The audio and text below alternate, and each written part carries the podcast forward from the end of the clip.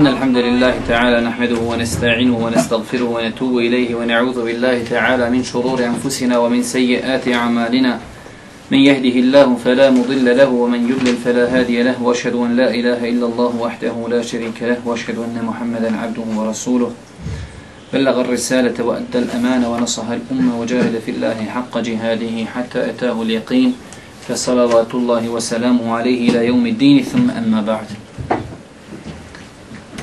Braćo moja draga, ovo je naše treće druženje u kojem govorimo o greškama koji su prisutne kod velikog broja ljudi koji obavljaju namaz greške klanjača, teoretska i praktična pokazivanja isti. Prošli put govorili smo dosta o greškama koji se vezuju za poglavlje abdesta, ostalo nam je samo na kraju da rezimiramo kako izgleda i kako bi trebao da izgleda abdest onako kako je prenešeno u vjerodostojnim predama od Allahog poslanika alihi salatu wasalam. Nakon toga ćemo samo kratko spomenuti nekoliko pogrešnih ubjeđenja koja su vezana za poglavlje abdesta u smislu šta to gubi abdest, šta ne gubi i nakon toga ako Bog da prelazimo na drugo poglavlje.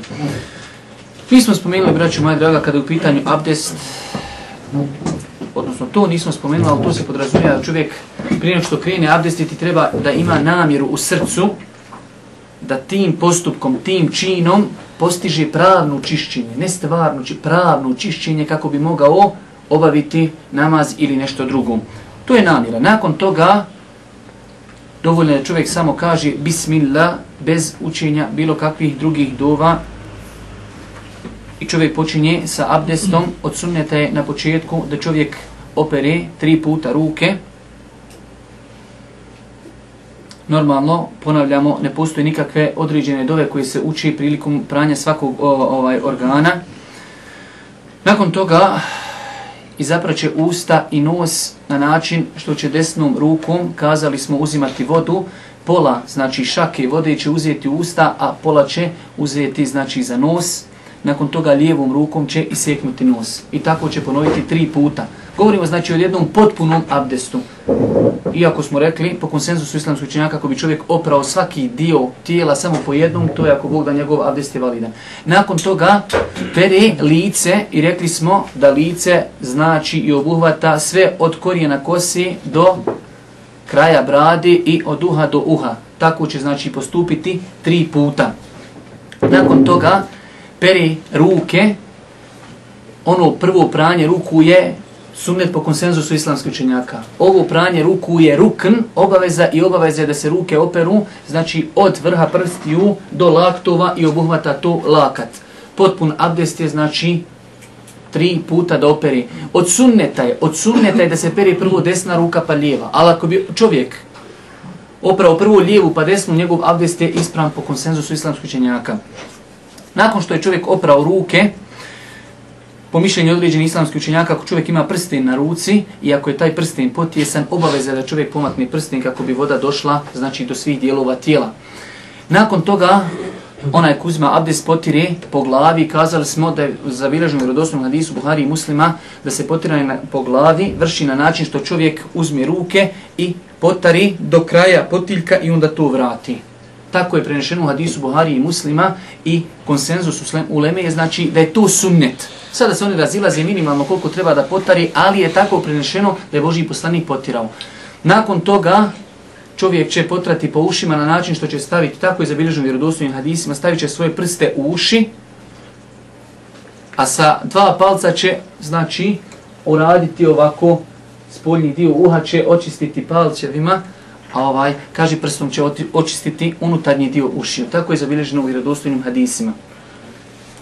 Znači, ponavljamo, po konsensusu islamskih učenjaka, sumnet je da se potari čitava glava. I mi smo rekli da je to, ako Bog da za nas preferirajuće mišljenje, da treba potrati cijelu glavu, uši znači se potiru na način što se palčevi stavi, ovaj, kaži prst, stavi u uho, a palčevima se onaj potari vanjski dio uha nakon toga peru se noge, isto vrijedi za noge i kao ruke, sunnet je da se opere prvo desna noga, a nakon toga lijeva, ali ako bi oprao čovjek lijevu pa desnu, njegov abdest je ispravan, ako Bog da.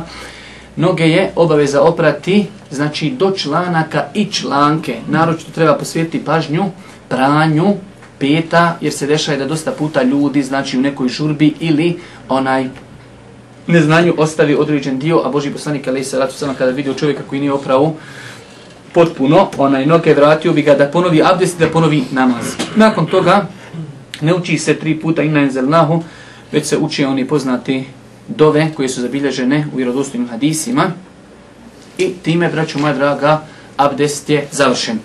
Evo samo nekoliko onaj stvari koje ste vi mogli možda nekada čitati na internetu. U svakom slučaju, Dosta puta se postavljaju pitanja, šta kvari abdest, šta kvari abdest, kvari li ovo abdest, kvari li ovo abdest. Ja ne želim da govorim o onim stvarima klasičnim, št, ovaj, gdje postoji razilaženje tipa, da li dodir žene kvari abdest, da li spavanje kvari abdest, e, i tako neke, da li dodirivanje spolnog organa kvari abdest, to su pitanja gdje postoji razilaženje. Ali ima i neke stvari koje ne kvare abdest, a velik broj ljudi smatra da kvari. I zato hoćemo da ih spomenimo kako bi ljudima olakšali. Pa primjer radi, vulgaran govor, ne kvari abdest.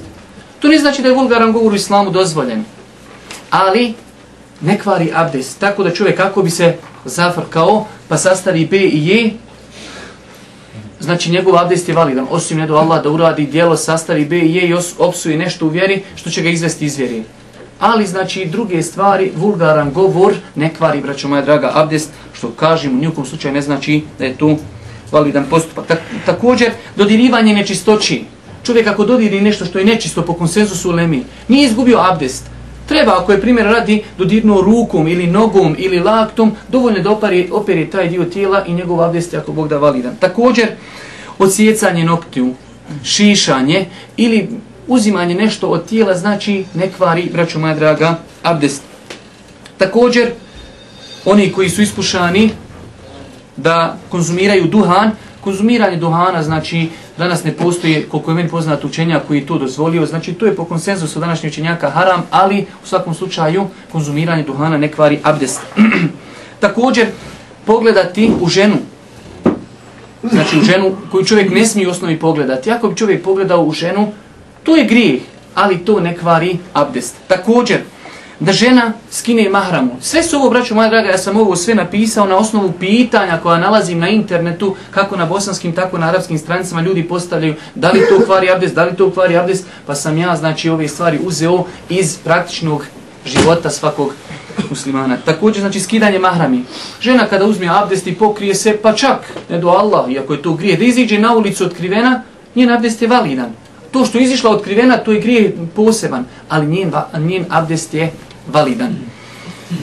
Također, danas će biti par puta ovih neki onaj, kako se zove, izraza koji su malo onaj za vas čudni, ali nekako ćemo se to ako Bog da pretrpiti. Znači, erekcija. Erekcija uključivanje spolnog organa, to su, vjerujte, pitanja. Čovjek dođe, šta ću, problem, gore, dole, tamo, vamo. Znači, samo uključivanje spolnog organa ne kvari abdes sve dok čovjek ne, duži, ne doživi poluciju.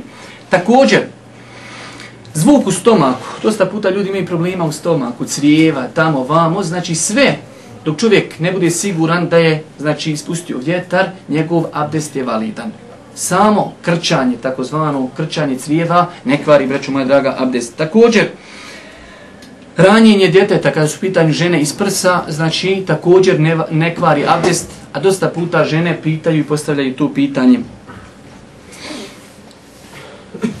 To su neke stvari, breću moja draga, koje sam želio da spominem, koje su, lijepo je da ih čovjek poznaje kada u pitanju ono šta kvari abdest, a šta ne kvari. Danas govorimo, ako Bog da, i volio bi ako bi mogli tu završiti, kako bi ako Bog da sljedeće predavanje počeli konkretno govoriti o ulasku u meščid i propisima koji se vezuju za namaz i boravak čovjeku u meščidu. Danas ćemo govoriti o greškama prilikom uzimama, uzimanja tejemuma, gusla i potiranja po mestvama. Morat ćemo biti malo ekspeditivni, znači morat ćete malo brže pisati, ali nadam se ako Bog da, da ćemo to završiti.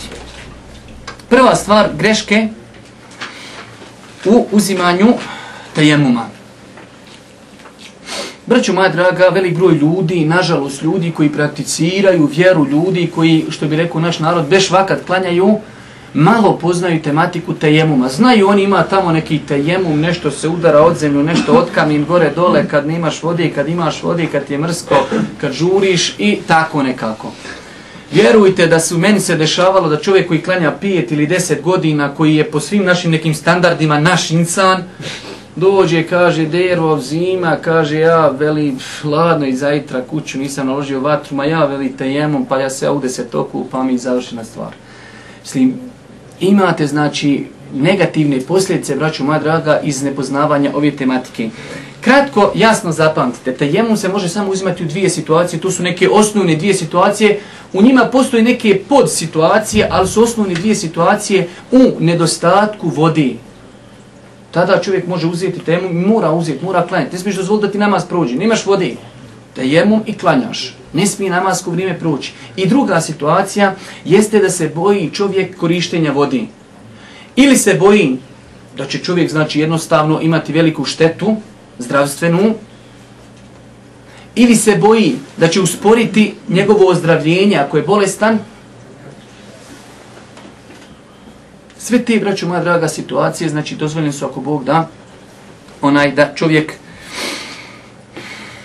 da čovjek u, tim, u te dvije situacije osnovne da uzme ako Bog da te jemu. Znači, nedostatak vode... Nedostatak vode, to se misli potpuno, kad nema vode, ali potpuno za pića, ima, zato sam rekao, znači ovo su dvije osnovne, a tu sad ima neki onaj, kak se zove, onaj situacija, islamski učenjaci neki kažu, ako čovjek negdje putuje i zna samo da ima vode dovoljno za piće, samo za piće, gdje će mu ta voda trebati za piće, da je u tim situacijama dozvom da uzme temu. Znači, nedostatak vode je i bolest.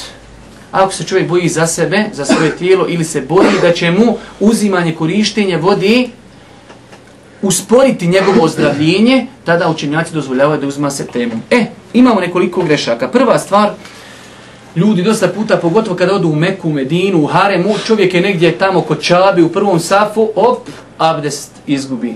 Sad i kame tuči šta će, treba izići iz harema, treba otići dolu u abdestanu, ne može on, tu je gužva i on zače se dol sagni, daj mer, mer, bismillah, Allahu ekber i klanja.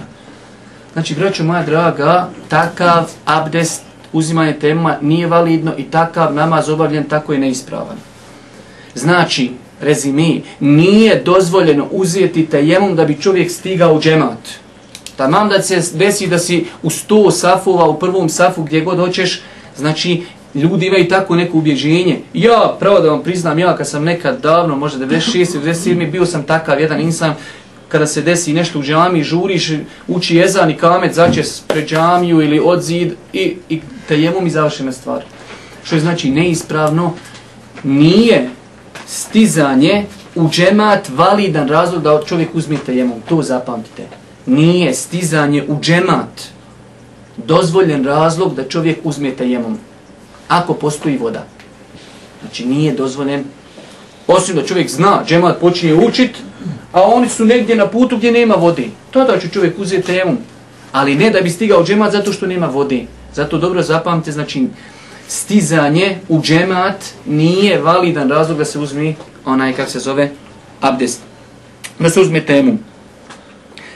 Tako slično pitanje postavljeno na stalnoj komisiji na čijem čelu je bio šeh bin Baz Rahmetullahi Alihi, pa su kazali, da je takav postupak zabranjen, da to nije dozvoljen namaz obavljen tako, nije validan. Znači čovjek čuje i kamet, jednostavno smatra da ima tu neku olakšicu, uzme temom, znači njegov namaz nije ispravan. Također, određeni ljudi, kada putuju, Mi znamo da je Allah subhanahu wa ta'ala olakšao ovom umetu da na putovanju mogu koristiti mnogo olakšica. Pa primjer radi na putovanju se po mjestama može potirati tri dana.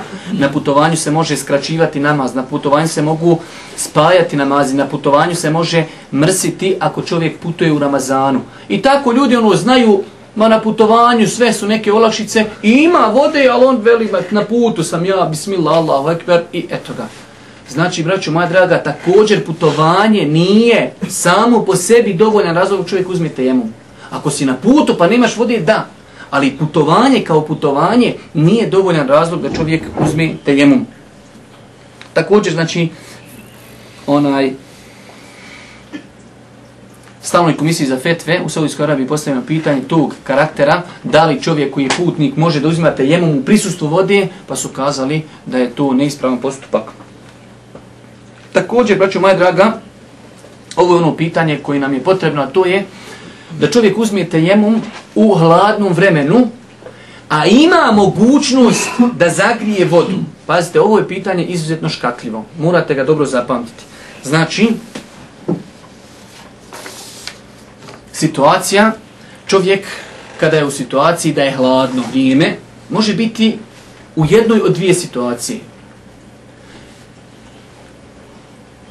To se dosta puta odnosi na ljude koji su džunup, treba i da se kupaju. Pa je hladno, čovjek ne smije da se okupa, kaže ako bi se okupao, to će mi naštetiti zdravlje. U redu. Imaš li mogućnost da zagriješ svoju kuću? Imaš li mogućnost da zagriješ vodu? Kaže, imam, ali sam okasnio, šta ja znam, a ja bi to tajemom, on bismillah, Allah akbar. Znači, zapamte dobro, bez obzira kako bilo hladno, ako čovjek ima mogućnost da zagrije vodu i da zagrije prostor gdje se nalazi, nije mu dozvoljeno da uzme tajemom. Šta se dešava? Čovjek na veći ima odnos sa ženom, u 6 sati izlazi sunce, on navije 15 do 6 saha, cijelu noć spava ko mašala, dobro, i onda 15 do 6, tu se, uuu, kao je sad hladna kuća, zima, hladna voda, nisam bojler u ključ, ženu, daj onaj kamen dole ispod prozora. Bismillah, Allahu ekber, klanjamo, kupat ćemo se sutra. Znači, vraću, moja draga, neispravno tajemom uzet na taj način je neispravan čin i s druge strane namaz tako objavljen nije validan. Nažalost, nažalost ovo je ovo je prisutno kod velikog broja ljudi. Kažem, nažalost prisutno. Imamo drugu situaciju kad čovjek Molim, pitanje može. Hajde da ostavimo za kraj. A vi tamo neđe u kraj u svesku, kraj sveske to zapište kako bi onaj mogle ovo sve prijeći ako Bog da. Imamo drugu situaciju, a to je kad čovjek je negdje gdje nema mogućnost da zagrije vodu, a boji se ako bi se okupao da će mu to nanijeti štetu. U toj situaciji može.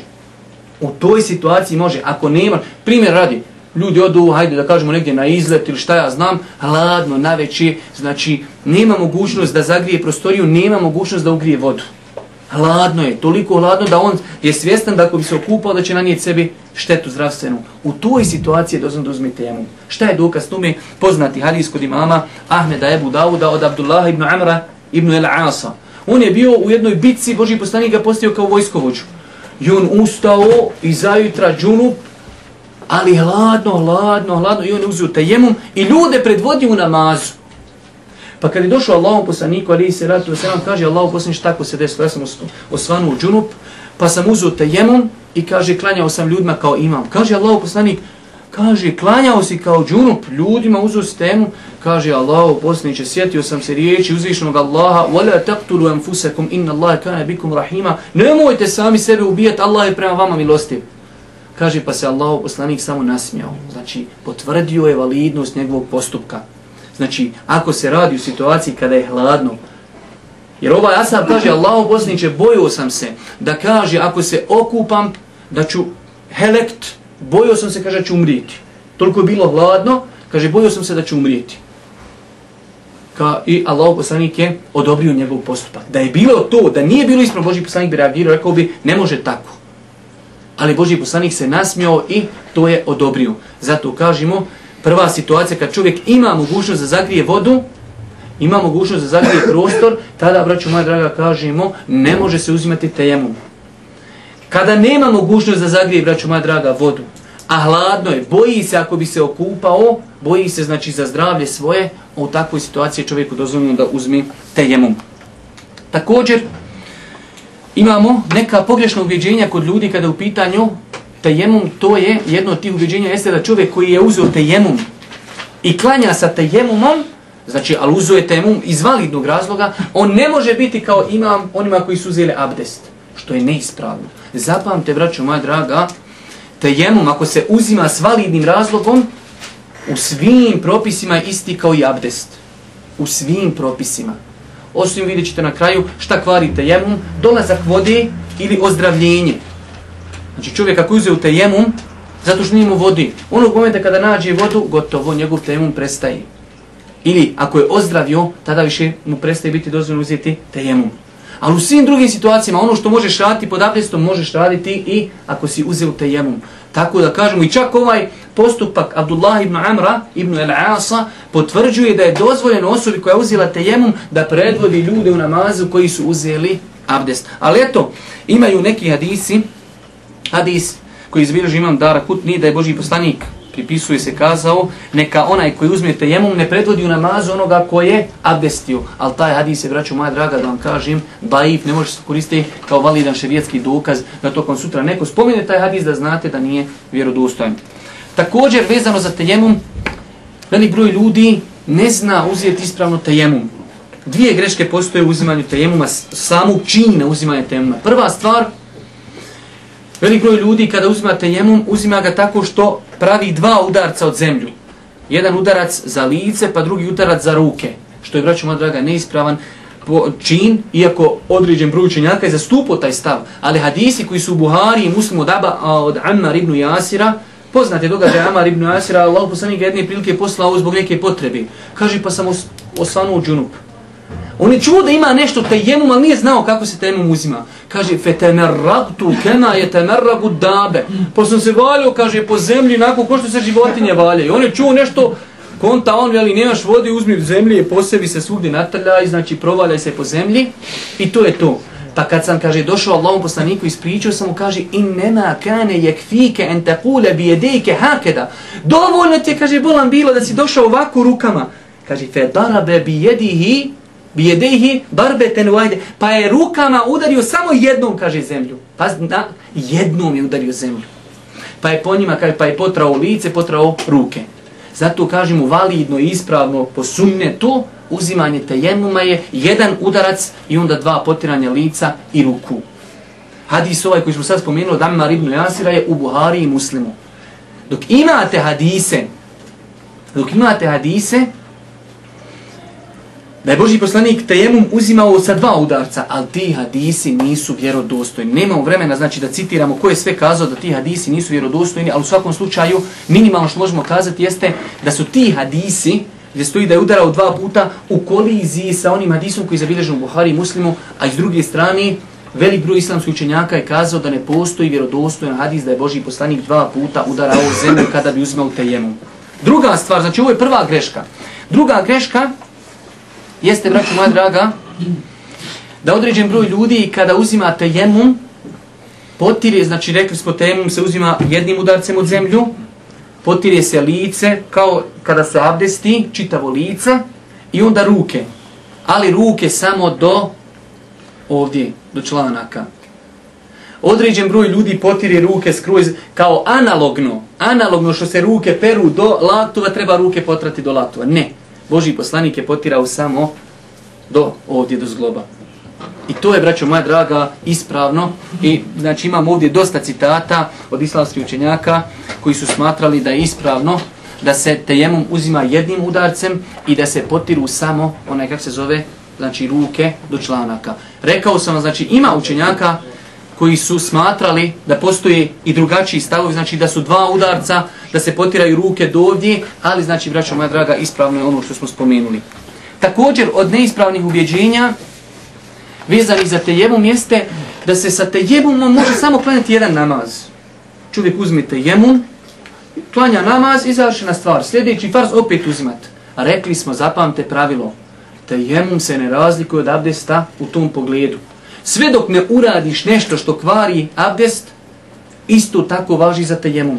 Sve dok ne uradiš određenu stvar koja kvari abdest u tejemumu, znači tvoj tejemum je validan. Tako ako si uzeo u 12 sati tejemum, klanjao si podne, nisi izgubio abdest do ikindije, klanjaš ikindiju, nisi izgubio abdest znači do, do akšama, klanjaš sa tim tejemumom i akšam. Imate hadis da ona isto koji je zabilježio imam Darekutni od Ibnu Abbasa, onaj da je rekao Ibnu Abbas od sunneta je da čovjek sa tejemumom ne klanja osim jedan namaz. Ali taj hadis je žestoko slab, čak po mišljenju određenog broja učenjaka kao što je Šeha Albani, da je to apokrifan hadis, da je to lažna Božih poslanika. Ali minimalno što možemo reći da je daif, džiden, da je slab, slab, slab, žestoko slab. A žestoko slab hadis se ne može uzeti kao dokaz u šarijetu nikod koga. Čima u Leme koja dozvoljava da se radi po daif hadisu, sjećate da smo gore držali u mešćidu, Da ima uleme koja smatra se nekada u daif, po daif hadisu može rati, ali pod uvjetom da nije žestoko slab. Ovaj hadis je žestoko slab, a po nekim učenjacima, jedan od njih je ših Albani, rahmetullahi alihi, taj hadis je apokrifan lažne Božih poslanika, alihi salatu wasalam. Tako da, možemo slobodno kazati da nema nikakve smetnje da se sa jednim tejemumom klanja više namaza. I to je na kraj krajeva potvrđeno, znači stalnu komisiju za fetve u Saudijskoj Arabiji su pitali to pitanje, pa su potvrdili da čovjek sa jednim tejemumom može klanjati više namaza sve dok ne uradi dijelo koji kvari abdest. Ili, ono malo prije što smo spomenuli, a to je dolazak vode ili ozdravljenje. Ako si uzimao tejemum zato što si bolestan, Allah dadi da si ozdravio, s tim znači završaj tvoja olakšica tejemuma i moraš posle toga uzimati abdest.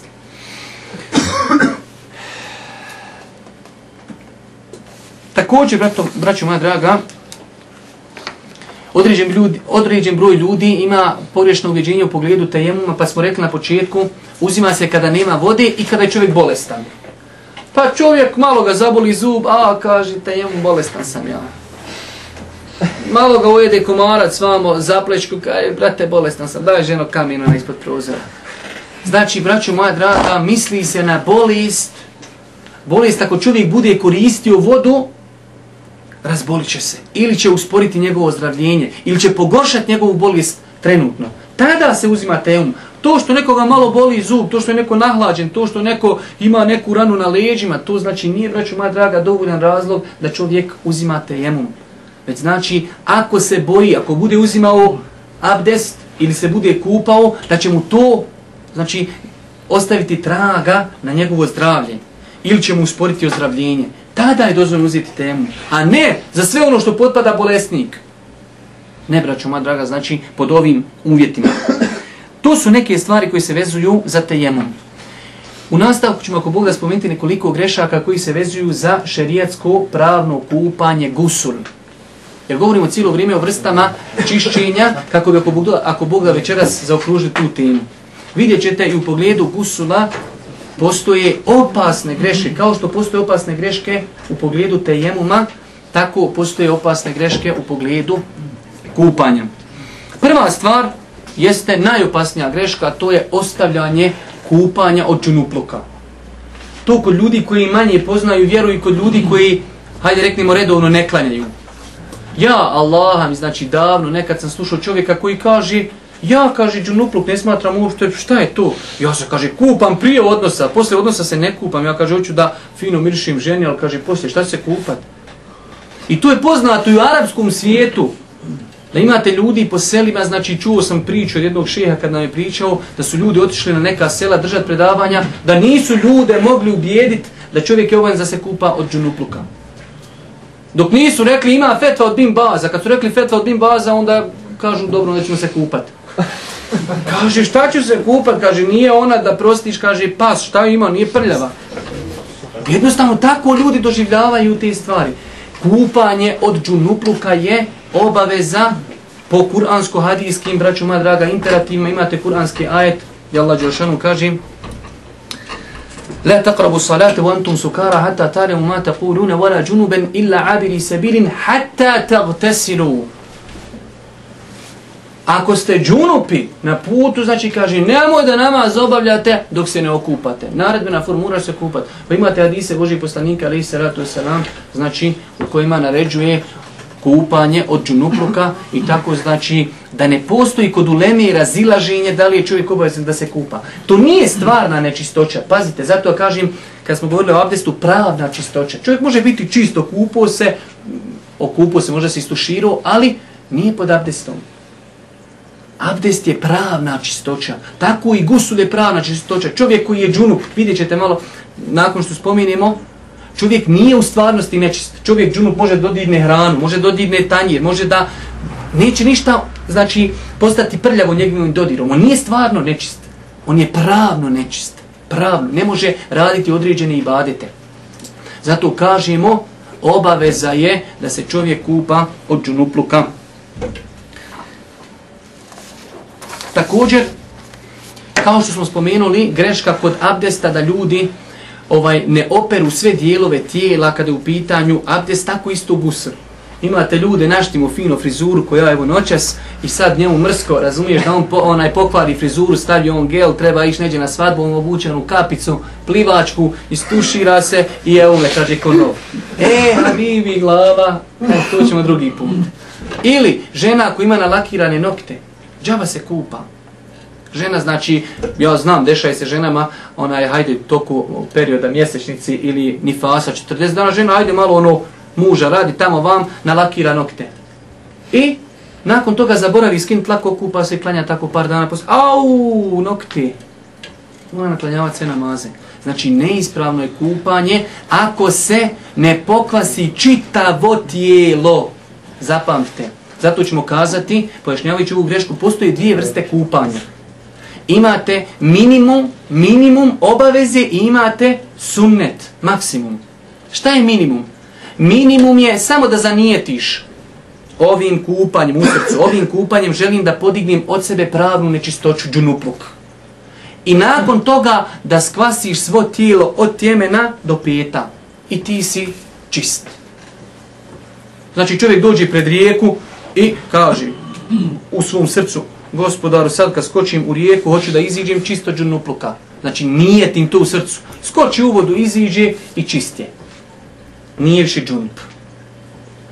Ima tamo jedna predaja, onaj kod jednog šeha, to je znači u, od starih učenjaka hambelijskog meseba, došao mu je čovjek i kaže, ja skočim u rijeku, skočim u rijeku i iziđem i kaže, sumnja veli da li mi je svugdje došla voda veli onaj šta će sam ja obavezan takav klan kaže nisi ti obavezan klan što pa ti si lud kaže bio pod vodom i sumnjaš da li ti je svugdje voda došla nemoj klanja kaže ti ne trebaš u stvari ti ne trebaš klanja ti ska je poludio to je ko se onim kad kaže za mjehuriće mura i dobro nastavite znači čovjek da zanijeti podizanje pravne nečistoći od sebe skoči u vodu iziđe to je podigo je od sebe nečist, onaj džunupluk, ali postoji sunnet.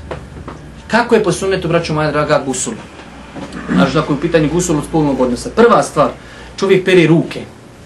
Nakon toga peri samo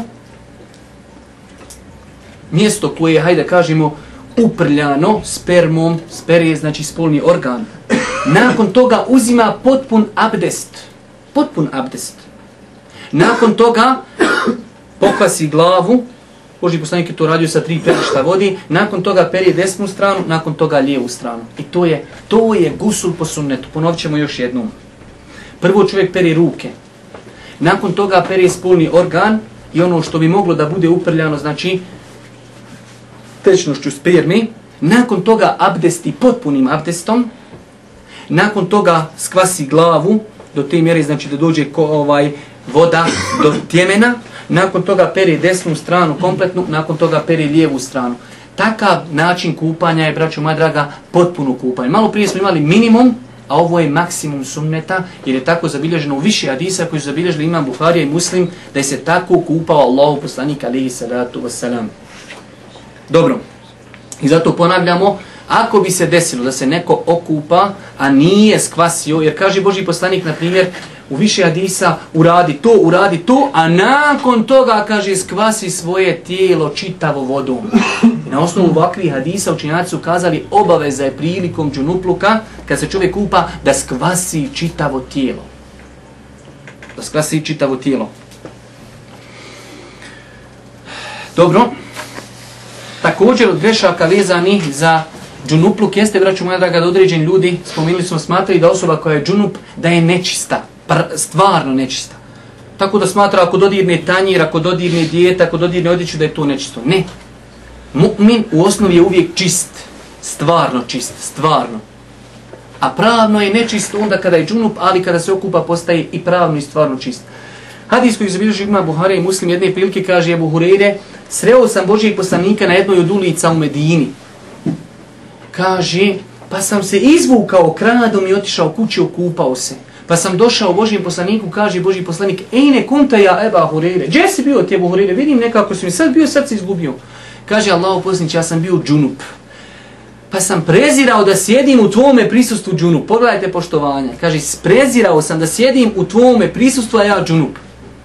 Pa kaže Allah poslanik, innel mu'mine la jenđus. Kaže, zna je buhurire da mu'min nikada nije nečist u stvarnom pogledu mu'min nije nečist i u rivajetu musliman nije stvarno nečist. To što je on džunup, slobodno žena koja je džunup ili muško može prati tanjire, može kuhati hranu, može oblašti djecu, može prati veš. Znači u, u, u osnovi ta žena ili taj insan muškarac je stvarno čist. Ali nije pravno čist, ne može klanjati namaz. Ali stvarno je čist. Morate pratiti veliku rasku između stvarna čistoća i pravna šerijetska čistoća. Također, braću moja draga, od eh, pitanja koja se vezuju za uh, gusul, a postoje neispravno ubiđenje, jeste da čovjek ne smije spavati kao džunup. Ili izlaziti iz kući. Kod nas, ja znam, birvati ili dok smo bili manji, pa u šumu kreneš, ako se gdje prevrnu kola, ako nas ima četiri prijatelja, neko je, kaže, džunup. Dok nešto ne ide po, po, kako treba, neko je džunup. Znači, ne mora značiti. Boži poslanik kaže Ebu Huriri, subhanallah, inel mu'mine la jemđus. Ma muslima nije nečist nikako, subhanallah. Tako i spavati, dozvoljeno čovjek koji je džunup da spava. Dozvoljeno. S tim što je od sunneta, da uzme abdest. Ali nije obvez da se čovjek kupa. Može odgoditi kupanje do, znači, do sabah namaza. Ali imate ljudi pogrešno uvjeđenje, znači čovjek kada je džunup, on je nečist, treba se što prije okupati. Nema smetnji, jer Aish radijallahu ta'ala nas su postavili pitanje. Kaže, kakva je bila praksa Allahog poslanika? Je li se, kaže, kupao prije spavanja koji je bio džunup ili odgađao kupanje do predzoru? Pa kaže Aisha, radio je jedno i drugo.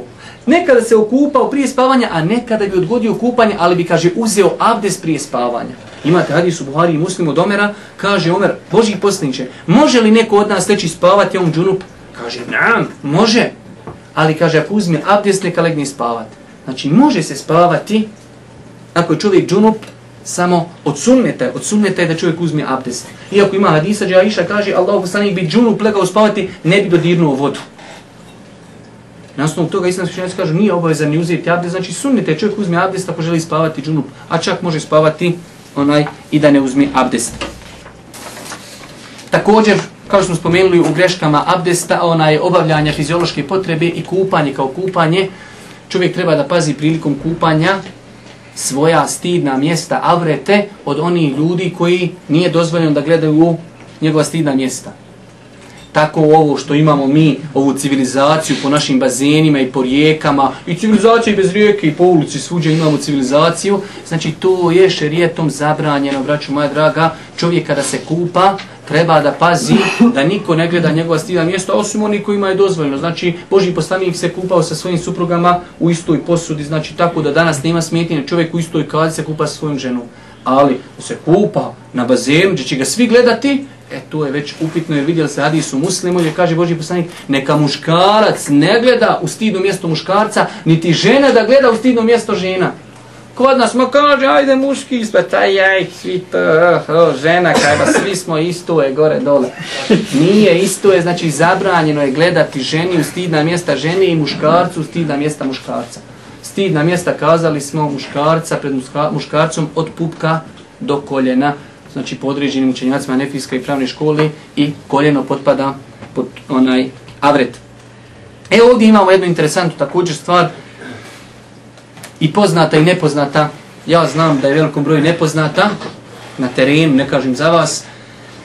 Obaveza je se okupati od spolnog odnosa, pa makar ne došlo do ejakulacije. Imate ljudi koji smatraju, ako dođi do ejakulacije, kupaj se. Ako nije, nema veze.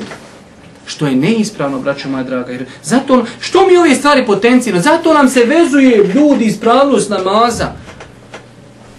Nema ti većeg temelja u islamu od namaza nakon šehadeta i zato moramo ovima stvarima pridavati pažnju. Boži poslanik o njima jasno govorio, nema tu nikakvog stida.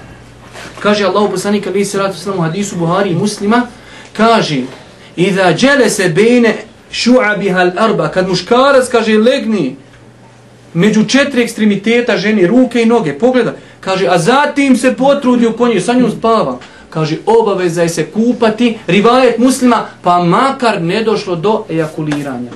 Makar ne došlo. Pogledajte, sjedi Aisha pored poslanika. Ima liko da je više stidan od poslanika. Kaže, došao Arap i kaže, Boži poslaniče, stari neki vjerovatno did, kaže on, šta će se desiti kad čovjek spava sa ženom pa se umori i kaže, susta i nema, kaže, jednostavno, ne doživi ono što je trebao doživiti. Kaže, Boži, kaže, moram se kupati, ne moram. Kaže, Boži poslanik, ja i ova, u Aishu pokazuje, ja i ova tu radimo, kaže, pa se kupamo. Ima tu stida čoveče, nikakvog. Znači, obaveza je se kupati od spolnog odnosa, makar ne došlo do ejakuliranja. Ljudi, kaže, ma nije bilo ništa, nije, ne treba se ni kupa, zima, i je hladno, ne radi grija, nisam platio ratu, tamo. Mora, braću moja draga, obaveza je se kupati, a poslije, nama, poslije kad se kamera ugasi, iako je to ipak šrijeta iska, isto stvar, Gdje je granica toga? Ko zna gdje je granica? Dobro, poslije ćemo o tome. Dobro, idemo, znači ovo je, braćo moja draga, Ibnu Munvir spominje, jer u početku Islama, da ne bi došlo neko do zavu, u početku Islama to nije bila obaveza. U početku Islama je bilo obavezno se kupati samo ako dođe do ejakuliranja. Nakon toga ti hadisi su derogirani i postao je konsenzus kod islamskih učenjaka, kod ashaba. Zato kaže Ibn Munzir, ne poznajem danas nekoga ko smatra da čovjek ne treba se kupa od toga. Znači, obaveza je. Ali kako ne biste negdje pročitali hadis, možda i u Buhari, kako čovjek nije obavezan, ti hadisi su derogirani. To je bilo u početku Islama. Zato po konsenzusu, danas možemo reći po konsenzusu islamskih činjaka, čovjek ako spolno omči sa ženom i nije doživio orgazam, znači mora da se kupa. Dobro, Imam ovdje jednu situaciju koju ja nisam planirao puno govoriti, ali evo, možemo ispomenuti, a to je čovjek ustaje 5 minuta pri izlaska sunca i mora se kupati. Vezano za gusul. Šta će uraditi? Ima 5 minuta. Znači, tajemo evo što dođe, hop, hop, hop, hop i gotovo. I on klanja, znači, saba dva rekeata, on farza, uspio je prije izlaska sunca. Ali ima vodu. Rek smo na početku, šta, ne možeš uzeti tajemom ako imaš vode. Šta će taj čovjek koji ima 5 minuta, hoće li uzeti tejemum pa će klanjati ili će se okupat pa makar izišlo sunce? Ovo treba pas nije na oni, ne odnosi se na oni koji naviju sad 5 do 6. Čovjek tako zaspi, naviju u 5, ali ono napisao u 17, ček sutra da ustani, zapako se. I šta će biti? On se probudi 5 do 6. Još 5 minuta do izlaska sunca. Šta će? Još, ako potpadne i podno pravilo, kaže, o, zima mi, moram ja sad grijat kuću, pa grijat vodu, šta ćemo reći takvoj osobi? Po mišljenju većine islamskih učenjaka, daje se prednost kupanju nad vremenom. Znači ovdje je došlo do kolizije, šta ćemo dati? Hoćemo dati prednost isticanju namaskog vremena ili šerijetskoj čistoći većina islamskih učenjaka, a na kraju krajeva i to je mišljenje preferirao šehu l'islam ibn Taymih, rahmetullahi alihi, da se u takvim situacijama daje prednost tahari, čistoći. Što znači, čovjek ustao 5 do 6 i kaže, hladno mi, nemam vode, za 5 minuta izlazi sunce, kaže mu mi, ugri vode, sačekaj, okupaj se i klanjaj. Ako je prespavao, ako to radi namjerno, Boga mi, tamo Allah oprosti. Ali znači, ovdje govorimo o situaciji kada čovjek prespava. Također, braću moja draga, imate ovdje vezano za kupanje jednu situaciju, odnosno ona se vezuje i za temom i za kupanje. Ja znam da Allah oprosti dok sam ja nekad bio momak, a znam da je to bilo problema velikog i kod drugih, Ja kad odim u goste, ja samo zikrim gospodaru, daj da se ne u džunu pijem. Ja u gostima se u džunu pijem, tamo neđe u nekoj kadi moraš, u nekoj banjici starinskoj se poljevat vodom. I sad se postavlja pitanje, ako bi čovjek bio negdje u gostima, kod nekog prijatelja, i u džunu pise. Ne do Allah. Onaj, je li mu dozvoljno uzeti tajemu? Braću moja draga, vraćamo se uvijek na temelje. Nije mu dozvoljeno uzeti temom ako ima mogućnost da se okupa. Osim u jednoj situaciji, iako ta situacija nije po konsenzusu, naprimjer še u Islam je spominji, da čovjek ako bi se bojao, da će na njega potvora biti izvršen. Dođeš kod čovjeka, spavaš i sutra kažeš ja bi se kupu. U njemu, što se kupa, da ti nisi imao kakva posla u mojoj kući sinoći. Pa se, pa U toj situaciji, kaže šehu Islam ibn Taymije, ako bi čovjek imao mogućnost da bude potvoren, da je učinio blud, onda će uzeti teljemom. U suprotnom ne može. Makar, hađija dragi, šta je? Moram se kupati, Bože mu, iz nije lako to ni kaza, ali džaba je vjera i vjera i mora se. Ko što ti nije lako kad ti dođe neka kulturna i kaže selam aleikum, Alikum mu se. šta je? Tako. E, nezgodno je i to. Nezgodno je i to i tekako nezgodno.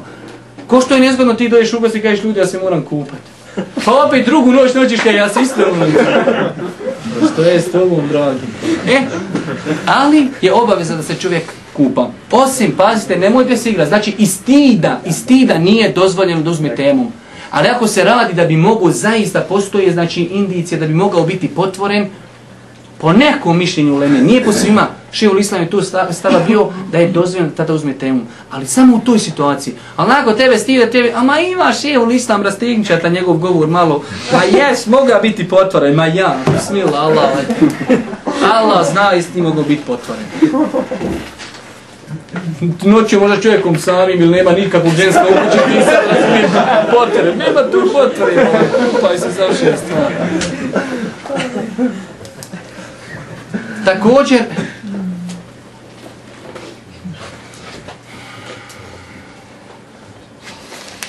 Spomenuli smo to pitanje vezano da čovjek znači onaj se okupa skakajući u rijeku, inšala, ako ima dni nijet prije što skoči u rijeku, on je postigao pravnu čistoću.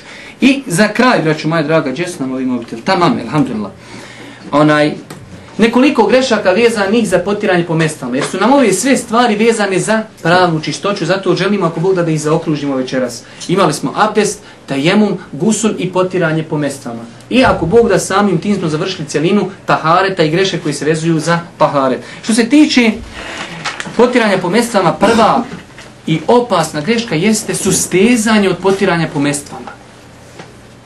Zar nije tako da imate ljudi kad kažeš meste, aj, aj, ne, jest meste, ali nemoj ti ime, da ja operim noge, brate. Braću moja draga, potiranje po mestama je akaitsko pitanje. Imam tahavije u svojoj knjizi, zašto? Zato što imate sekte Rafidije, Šije i Haridžije, koji su smatrali da ne postoji u islamu potiranje po mestama, a ehli sunnet smatra da se potire po, po mestama. Zato Tahavija u Tahavijskoj akidi kaže i mi, ehli sunnet, smatramo da je dozvoljeno potirati po mestama. Znači, tu je akaidsko pitanje i suzdržavanje od toga je opasno. Zato kaže Hasan el Basri, čuo sam 70 ashaba koji su, mu, koji su mi kazali da je Boži poslanik potirao po mestama. Znači, validnost tog postupka ne smije da bude upitna kod mu'mina. Znači, ako imaš mestve na nogama, ne, i ako si ispunio uvjete da si obukao na taharu, Znači, nema, nema uopšte 1% u sunnije smo, pa da li je moj namaz vali? Znači, šta ja to s ovi donijeli od tu da ovi vehabije, da bog da i...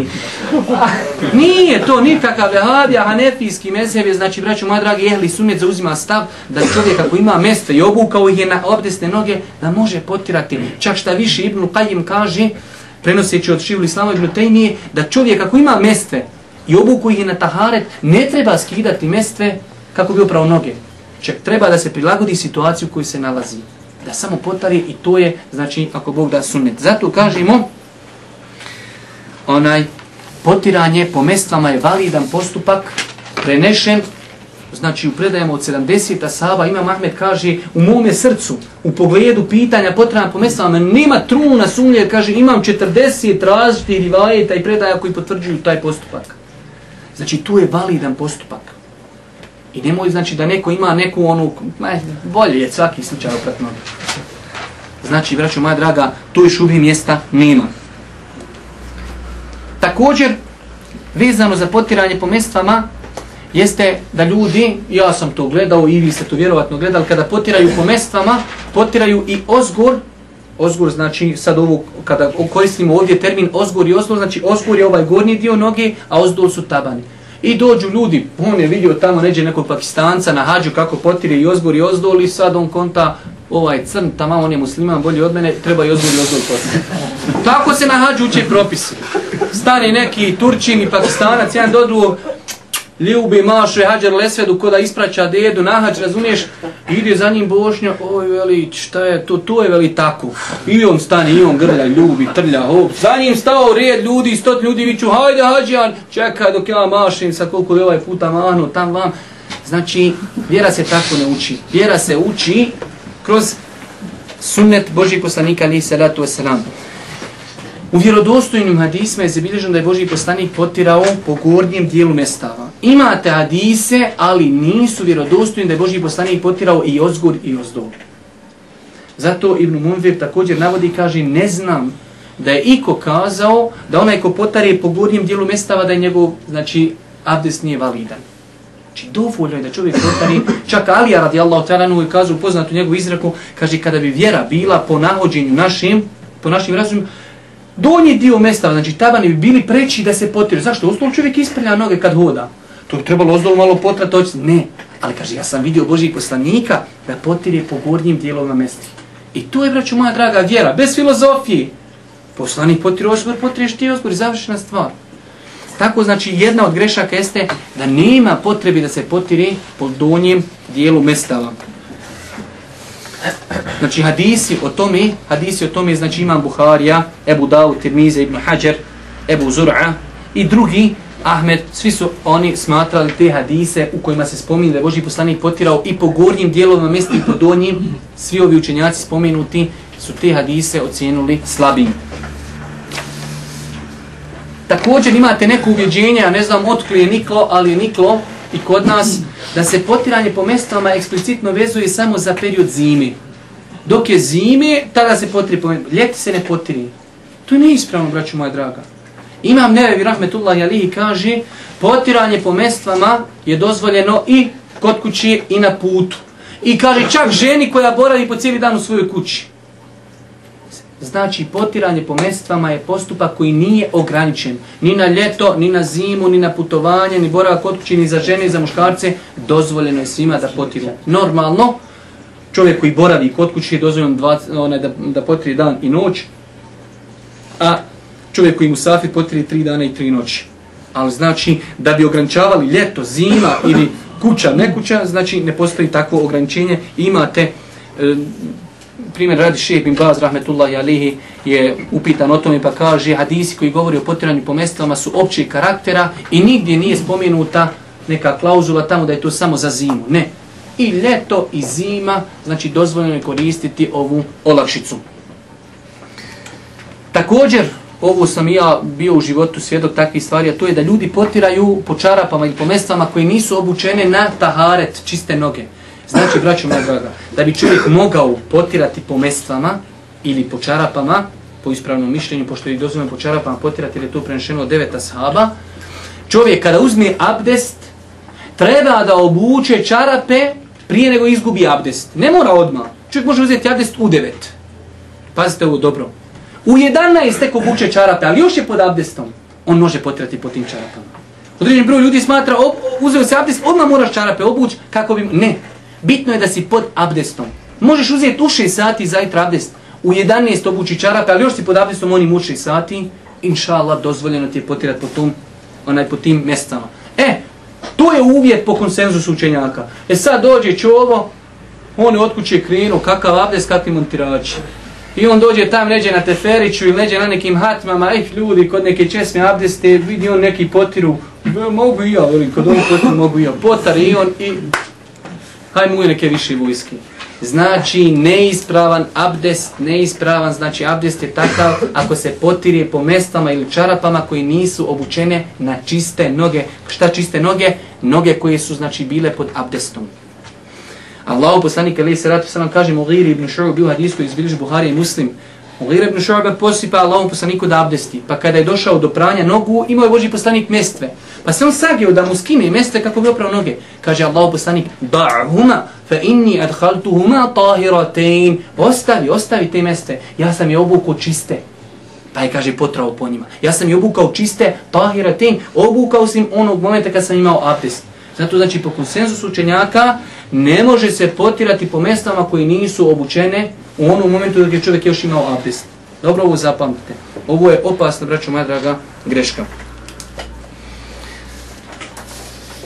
Imate ovdje jedno pitanje, da ne bi me neko morao pitati, da vam ga odmah pojasnim, a to je Boži poslanik kaže, ja sam im obukao čiste, u smislu abdesne noge. E, pogledajte sad, pazite, malo sam se koncentrišite ja abdestim i znači evo sad sam ja u patikama ovako kako jeste i sad trebam ja tamo neđe oprat noge u Sarajevu sam negdje na ulici, ja operim jednu nogu pa uzmem obučem mestve ili čarap pa obučem cipelu, onda skinem ovu i obučem ovu drugu. Mogu li ja potirati po tim mestvama? Ja se shvatite šta sam uradio? Oprao sam jednu nogu i obukao mestvu. Ovu vam još nogu nisam oprao. Jer ne mogu stajati ko horus na jednoj nozi, moram obuć, znači ovu mestu, da bi obuku cipelu, pa onda skinem jer je tu negdje ovdje s tim napolju. Onda skinem čarape, obu, operim ovu nogu. E, nakon toga, mogu li potirati po tim mjestom? Bojim se da niste shvatili šta pričam. Onog momenta kad čovjek abdesti, abdestio sam ja, hoću obući mestve da bi mogao poslije po njima potirati. Ali sam je obukao na način što nisam bio završio kompletan abdest. Znači, slušajte, ako ja operim oba dvije noge i obučem mestve, to je u redu. Ali je problem ako sam obukao jednu mestvu, a ovu još nisam abdestio. Nisam završio abdest ljudi još, ali obukao sam mestvu. Pa onda opet je mnogo obučen drugu mestvu. Mogu li po takvim, po takvim mestvama potirati? Većina u Leme kaže ne može. Zašto? Zato što Boži poslanik kaže fe inni et haltuhuma tahire tin ja kad sam je oblačio, one su obe bile čiste. A ja kad sam ovu oblačio, ova je bila čista, ali ova mi nije bila još čista, još nisam završio abdest. Osim ako imam protezu, ako sam invalid. Ali mi što odamo sad dvije noge, moramo oba dvije opreti. E! Ali še u listam Ibn Tejmije kaže, pa ne, pa ovu si obuku bila je čista. I ovu kad si oblačio bila je čista. Po še u listam Ibn Tejmije dozvoljeno je potirati po mestama tako obučenim. A većina u Leme kaže, ne može. Pa eto, vi sebi proslijedite šta hoćete. Molim? Inša Allah imam. Ne bi trebalo da ima smetnje za abdest. Zašto, zašto, zašto bi imao problem za abdestom? Nema problem. Imate zadnju stvar koju ćemo završiti večerašnje druženje, a to je velik broj ljudi, ja sam dosta puta bio izložen tom pitanju, a to je ljudi koji potiraju po čarapama. Rekli smo da je potiranje po čarapama validan postupak. Čarape koji su debele, prenešeno je od deveta saba da su potirali po čarapama. Imate vjerodosljeno hadis onaj da je Boži poslanik potirao po čarapama. Tako da, inšala, to je validan postupak. Ali se radi čovjek, na primjer, negdje adresni, pa malo su mu se čarapi skvasi. I ja sam dosta puta, ne znam otkud ljudima ta ideja, ali dosta puta me ljudi bije, eto, čarapi su mi mokri malo, mogli sad ja potirati po njima. Pa sam danas istraživo, odnosno juče to pitanje, pa sam našao znači da niko od uleme ne spominje, odnosno spominju da je to dozvoljeno. Niko nije spomenuo da tu ima čak neka šubha i sumlja, nesnoća. Znači, ako se malo čarapi smokru, smokri ili mestve, Znači čovjek dok je ono oblačio, smokrilo se šta ja znam, čarape ili meste, nema smjetnje da po takvim čarapom ili po takvim mestama potari. Allah najbolje zna. U svakom slučaju, braćo moja draga, mi ćemo se ako Bog da ovdje zaustaviti. Znači, obradili smo veoma bitne stvari koji se vezuju za taharet, greške prilikom obavljanja fiziološke potrebe, greške prilikom abdesta, greške prilikom tejemuma, greške prilikom gusula i greške prilikom potiranja po mjestama. Ako Bog da, od sljedećeg ponedjeljka mi ćemo onaj početi sa greškama koje se malo direktnije vezuju za namaz, da li će to baš biti ona početna forma namaza ili ćemo početi govoriti o nekim greškama koji se vezuju za početak namaza kao što je ulazak u džamiju, boravak u džamiji, ezan ili neke stvari, ali sad će malo biti tematika interesantnija, u smislu najviše će se direktno vezati za namaz. Molim Allah subhanahu wa ta'ala da nas poduči propisima njegove vjeri. Molim Allah subhanahu wa ta'ala da nam olakša prakticiranje onoga što smo naučili. Molim Allah subhanahu wa ta'ala da nas učusti na putu istini. I na kraju subhanike Allahumma da bihamdike. Šedun la ilaha illa ente stavfiruke. Vojetubu ilike.